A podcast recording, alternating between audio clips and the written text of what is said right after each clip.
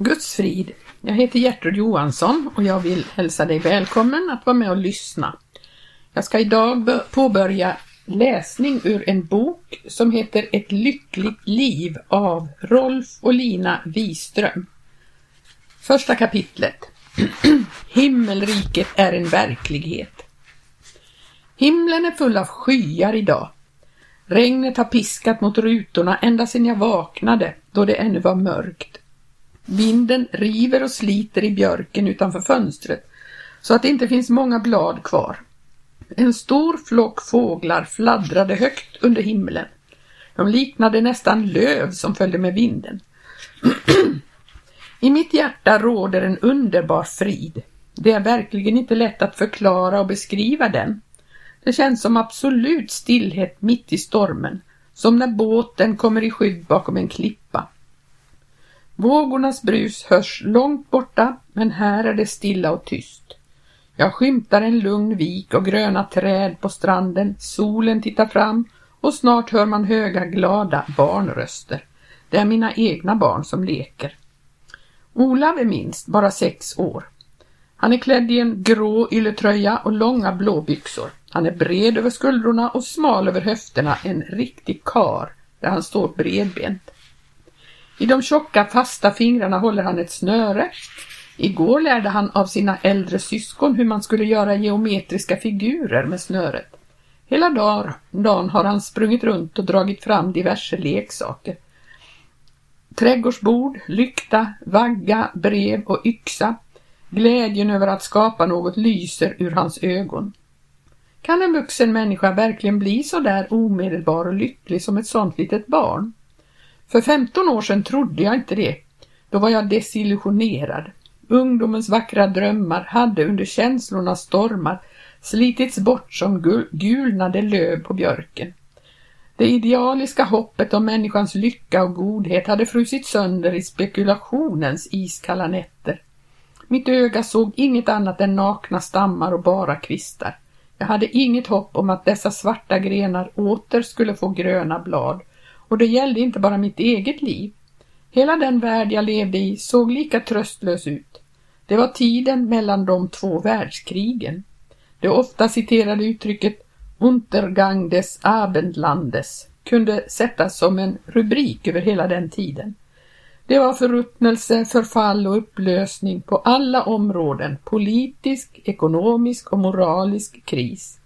I denna värld där allt tycktes vara relativt, där folkmassorna kastades hit och dit av hat och förtvivlan, våld och förtryck, hämndlust och krav, i denna kaotiska värld där de flesta människor hade förlorat översikten, planen och tron, fanns det dock några få som hade en klar plan av en ny värld, helt och hållet uppbyggd på en materialistisk grund. Med sin överlägsna diskussionsteknik segrade de jämt i alla debatter. Fastän jag blev övertygad i hjärnan blev jag det aldrig i hjärtat. Därför att jag förstod att det inte skulle hjälpa med ett nytt politiskt system, då felet i grund och botten inte var systemet utan i människan själv. Jag kunde inte överlämna mig till hundra procent för en idé som inte löste mina personliga problem. Till trots för alla brustna illusioner hade jag en djup längtan kvar efter en förlösande sanning, en sanning som alla kunde underskriva. En sanning som kunde verka förvandlande både på människan och hennes förhållanden. Jag förlorade mer och mer tron på att jag någonsin skulle nå fram till denna sanning. På ett ohyggligt sätt kände jag mig inspärrad i denna järnkvarn som malde sönder hela vår strålande kultur. Untergang des Abendlandes blev mer och mer min egen undergång.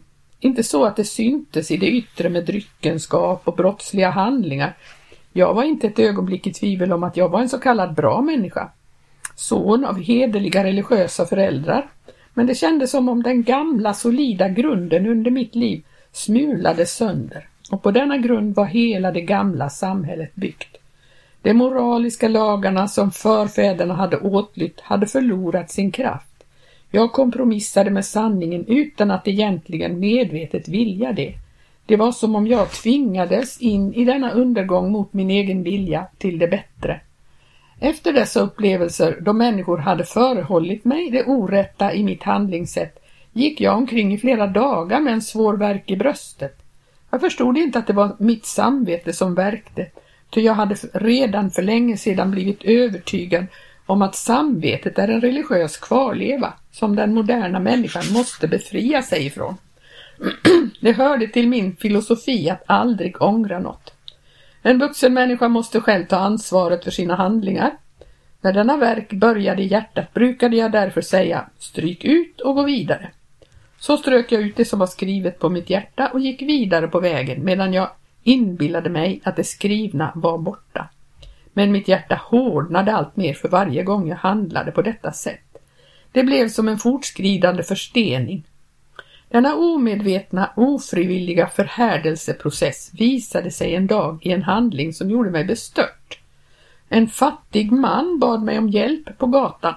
Jag knuffade honom ifrån mig med ett hårt ord. Då jag gick vidare blev det klart för mig vad jag hade gjort. Hur hade jag blivit så där? Jag som alltid hade haft ett ömt medlidsamt hjärta för de olyckliga. Jag som tillskrev så mycket av världens elände felaktiga politiska system. Nu gick jag på gatan så upptagen av mig själv att det hårda och bittra hjärtats botten kom helt upp i dagen när någon råkade komma för nära mig. Nu hade jag visserligen inte något att ge honom, jag var nog lika fattig som han, men varför denna hårdhet? Jag stod i det lilla köket i min systers bostad, där jag bodde.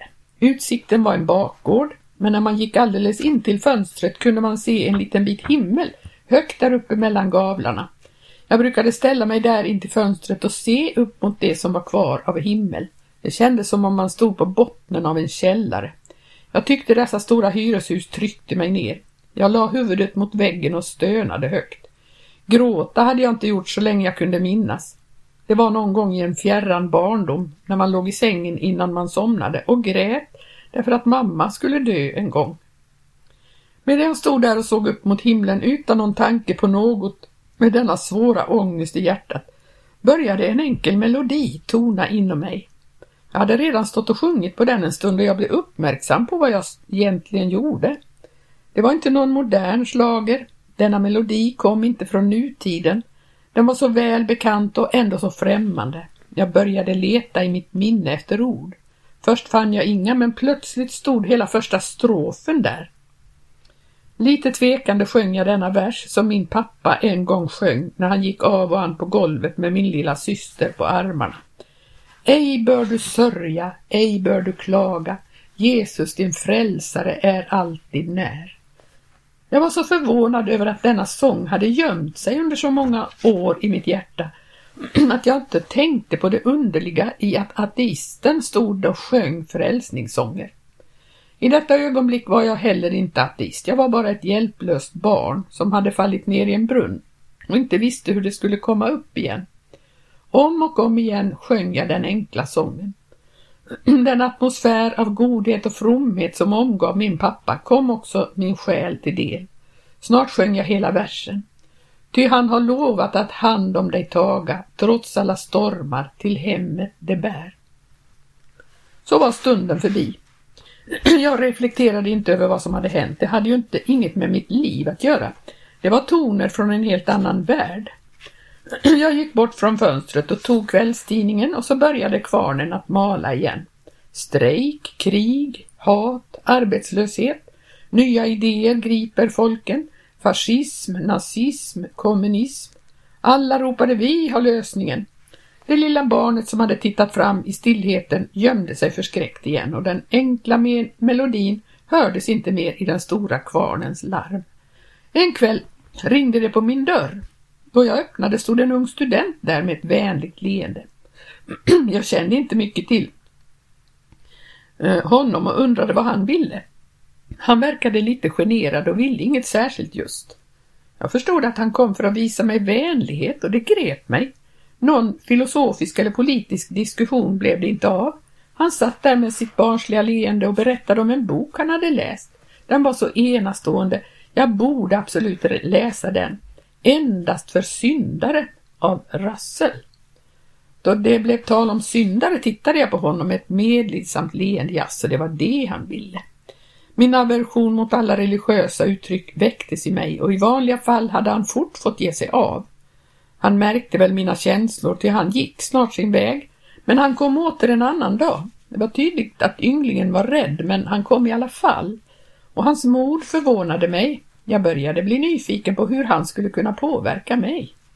En kväll var vi ute och gick. Det var regnväder och trist och jag tyngdes ner av hopplöshet. Jag öppnade lite på den nedrullade gardinen för min själ och sa något om mitt tillstånd. Då såg han upp på mig med sitt ljusa leende och sa Jag har lärt mig en vers som har varit mig till stor hjälp. Och så läste han upp den där mitt på gatan. Det var en sanning i denna vers som kom mig att stanna tvärt och titta upp i luften. Säg om det där, sa jag och han läste om igen. Den gang jag bad om lycken att eje, flyktet den fra mig på alle veje. Den gång jag bad om lycken att bringe, dalte den till mig på änglevinge. Min unga vän var lycklig över att det äntligen hade lyckats för honom att få in en pil i mitt hjärta. Han blev borta sen, men pilen satt kvar. I ett ögonblick av klarhet såg jag att orsaken till all min nöd var att hela mitt liv var inställt på att få och inte på att ge. För ett litet ögonblick blev jag kastad ur mina gamla cirklar där mitt eget jag stod i centrum. Jag försökte tänka på någon människa som jag kunde bringa lycka, men strax fylldes jag av bitterhet och hat. Var det inte det jag hade försökt gång på gång? Därför gick jag nu här ensam och olycklig. De personer som jag hade velat ge min kärlek, ja mitt liv och mitt allt, det hade inte kunnat eller inte velat ta emot min gåva. Åter sjönk jag ner i kvalfulla minnen om korta glimtar av lycka som för evigt var förbi. Jag befann mig en eftermiddag på en väg utanför staden. Det var en vacker solig höstdag. Jag kommer inte ihåg vad jag tänkte på eller om jag tänkte på något alls. Plötsligt hörde jag en röst tala till mig där på vägen. Jag kan ännu peka på stället där det hände för jag stannade och upplevde naturen omkring mig som i ett starkt ljus så att platsen fäste sig i mitt minne. Återigen upplevde jag att en annan, främmande, osynlig värld bröt in i den synliga värld som jag levde i. Jag hörde klart och tydligt dessa ord. Om du inte omvänder dig och blir som ett barn kan du inte komma in i himmelriket. Jag hade betraktat himmelriket ungefär som de julkort med förgyllda änglar på som man ger åt barn och som den illusion naiva människor lever i om ett liv efter döden därför att de inte vågar se sanningen i ögonen och räkna med det som kan bevisas med förnuft och som man kan ta på med händerna. Nu stod jag där på vägen och skakade av att himmelriket är en verklighet som man kan uppleva och leva i, andas i, vara fylld av, begripa med förnuftet och gripa med händerna. En verklighet som jag själv en gång i barnaåren hade levt i, men som jag nu för många år sedan hade förlorat. Jag hade förlorat förmågan att vara omedelbar och spontan som ett barn. Kärleken till livet var borta. Glädjen över en vacker blomma frös genast vid tanken på att blomman snart skulle dö. Jag visste inte varifrån denna röst kom. Jag visste inte om dessa ord stod i Bibeln, till den hade jag läst mycket lite.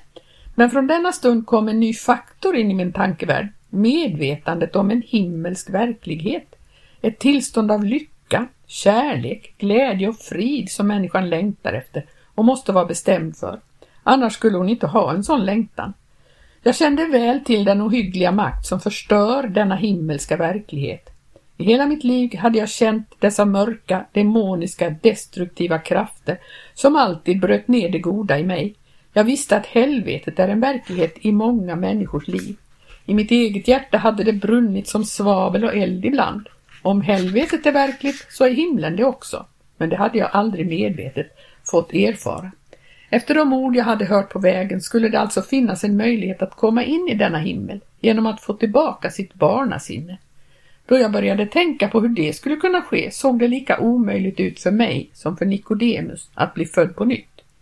En dag skickade en vän till mig en liten bok om väckelse som hade gripit omkring sig i akademiska kretsar över hela världen. Det hade skrivits en hel del om denna väckelse i tidningarna, men jag hade inte haft något intresse för den saken. Det som grep mig i denna väckelse var att den utan omsvep gick rakt på människans centrala problem, synden. Jag fick en riktig chock, men kunde inte låta bli att läsa ut hela boken. Sen läste jag om den. så tog jag den med mig och lånade den till vänner och bekanta som jag tyckte behövde den. För första gången i mitt liv begrep jag att synd inte endast är ett religiöst ord som teologer har hittat på, ett ord som inte fanns i mitt ordförråd. I denna bok stod det att om man vill lära känna sig själv ska man ställa sig inför bergspredikan. Den står i början av Matteusevangeliet för de som är lika lite hemma i Bibeln som jag var. Kontentan av bergspredikan kan man få i de fyra eh, kraven på absolut ärlighet, absolut renhet, absolut osjälviskhet och absolut kärlek. Kristi klarhet och storhet strålade mot mig från dessa absoluta sanningar. Fastän jag kände mig dömd på alla punkter var jag ändå lycklig över att äntligen möta det absoluta i den värld av relativa värden som jag levde i. Jag hade alltid trott att kristendomen var känslor och dogmer, känslor som inte har något med vetenskap att göra och dogmer som strider mot sunt förnuft. Men det var inget som stred mot sunt förnuft i dessa absoluta krav. Det var heller inte något i den lilla boken som vädjade till känslan. Tvärtom mötte jag en kristendom som vädjade starkt till viljan. Redan under läsningen av boken ställdes jag inför valet om jag ville låta mitt liv komma in under de absoluta kravens dom. Då såg jag vad synd var. Jag var inte den jag borde vara efter eviga absoluta mått. En fråga brände i mig. Hur ska en människa kunna nå detta mått och fylla dessa absoluta krav? Är det inte just detta vi alla längtar efter och aldrig uppnår? Är det inte idealistens stora tragedi att hans ideal inte kan förverkligas? Till slut måste han slå av på kraven och resignera. I denna väckelse fick jag för första gången ett konkret svar på denna fråga. Gud talar till varje människa som ärligt vill lyssna och som är villig att lyda. Den, det människan behöver är att bli stilla så att Gud kan få tala ut med henne. Gud vill leda varje människa som vill låta sig leda. Gud har en lösning på alla hennes problem. Jag hade varit övertygad ateist i många år och jag kunde inte tro på något som inte kunde bevisas.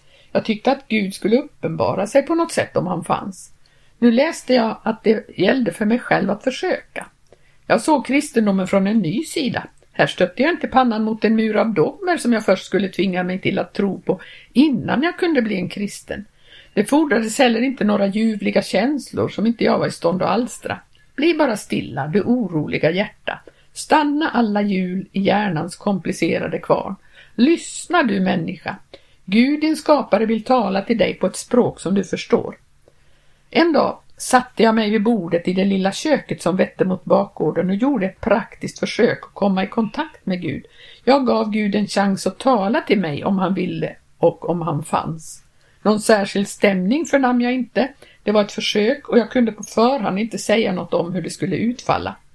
Jag hade lite svårt att komma ifrån en föreställning om att Gud brukade uppenbara sig genom ljus i taket eller änglabesök och det gjorde mig onekligen lite skeptisk men jag försökte att vara alldeles stilla och inte tänka och inställde mig på vad som helst skulle, kunde ske. När jag så hade suttit där en stund och då absolut inget skedde kände jag mig fånig och slängde förargad pennan på bordet. Efter vad som hade blivit mig rekommenderat i denna bok hade jag läst att jag nämligen tagit penna och papper för att skriva ner eventuella himmelska budskap. Jag blev inte förargad över att det inte kom något till mig från Gud, det hade jag nog innerst inte väntat mig heller. Men efter en stunds stillhet dök ett obehagligt minne upp i mitt inre. Det var en av dessa saker som jag hade strukit ut och som jag trodde var borta. Nu visade det sig att den bara hade blivit dold i det undermedvetna i källaren bland allt annat skräp som man inte vill ha uppe i vardagsrummet och ljuset. Nu kom detta minne och störde mig mitt, i mitt fromma försök att lyssna till Gud och eventuellt få tag i denna mystiska tro som de kristna talade om, men som jag dittills inte hade kunnat producera. I dessa korta sekunder fick jag se mig själv i en bestämd situation för flera år sedan. Det var som om en osynlig fotograf hade varit tillstädes och filmat personerna och rummet där de uppträdde. Det var rent kusligt att se och höra sig själv på detta sätt. Ingen detalj hade undgått kamerans öga. Jag såg den gamla kvinnan sitta framför flygeln. Hennes hår hade fallit något ner i nacken under det hon harmfullt och förtvivlad svarade Jag struntar i er filosofi. Här är det frågan om en olycklig flicka. Det hade bara varit en liten flört med en mycket ung och oskyldig flicka. Hon bad mig följa med upp och hälsa på hennes fosterföräldrar en förmiddag och jag gick lite tvekande. Det var snöflingor i luften och jag glömde den grå vardagen för en stund. Då vi satt där i det lilla rummet vid fönstret kände jag mig förflyttad till en annan värld och till något förflutet gammaldags.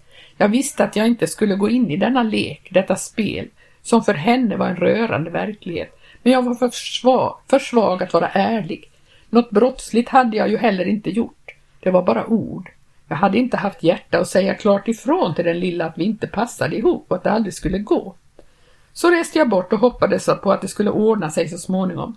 Till sist blev jag tvungen att få ett slut på det och tog mod till mig och gick upp. Det var denna uppgörelse som hade satt djupare spår inom mig än jag hade förstått. Jag hörde mig själv stå där och försvara mitt handlingssätt med stora filosofers ord. Jag söker sanningen, jag kan aldrig slå mig till ro, detta sökande är viktigare än sanningen själv.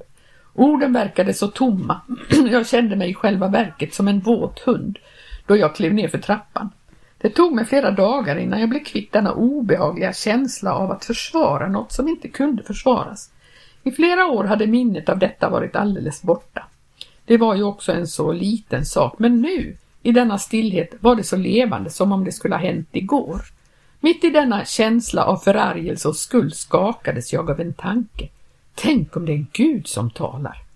Jag hade inte ens tänkt tanken ut förrän jag stod där inför Gud, rättvisans och domens Gud, den Gud som hade skrivit eviga lagar mot vilka människan inte kan bryta utan att ta skada till sin själ. För första gången i mitt liv mötte jag den levande guden. Han mötte mig inte med svar på teologiska spörsmål och inte heller med mystiska uppenbarelser av änglar och ljus i taket. Nej, han mötte mig genom att peka på min synd, inte abstrakt och allmänt, utan konkret och personligt. Det var som om ett finger pekade på mig och jag hade ingenstans att göra av mig. Jag var mannen. Jag var skyldig. Men vad ska jag göra, tänkte jag.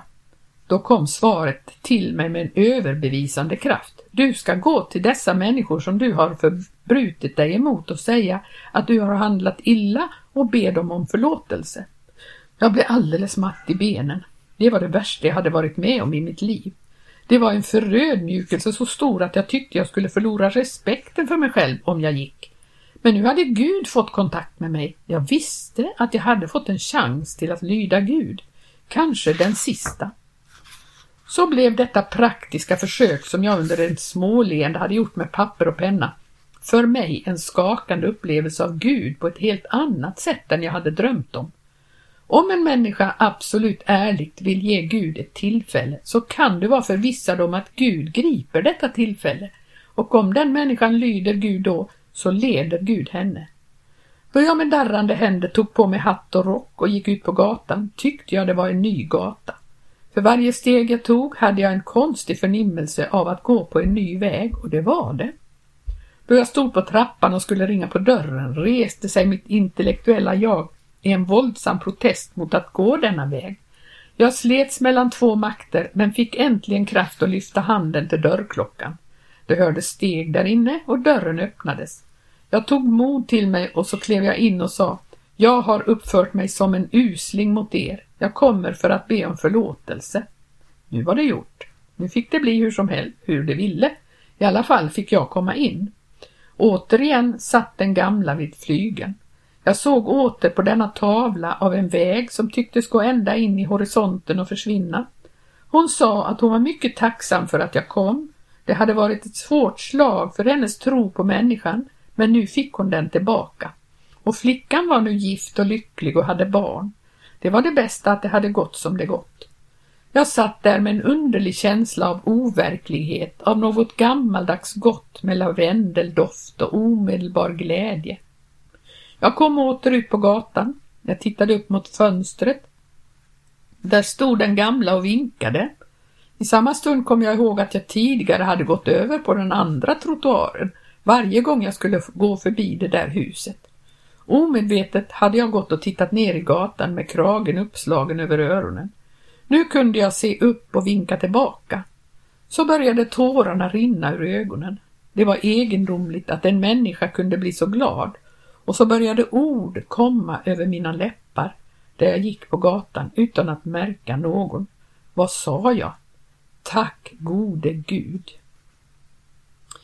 Ja, det var första kapitlet av denna bok som heter Ett lyckligt liv, skrivet av Rolf och Lina Wiström. Och jag kommer att fortsätta nästa vecka med nästa kapitel. Gud välsigne dig som har lyssnat.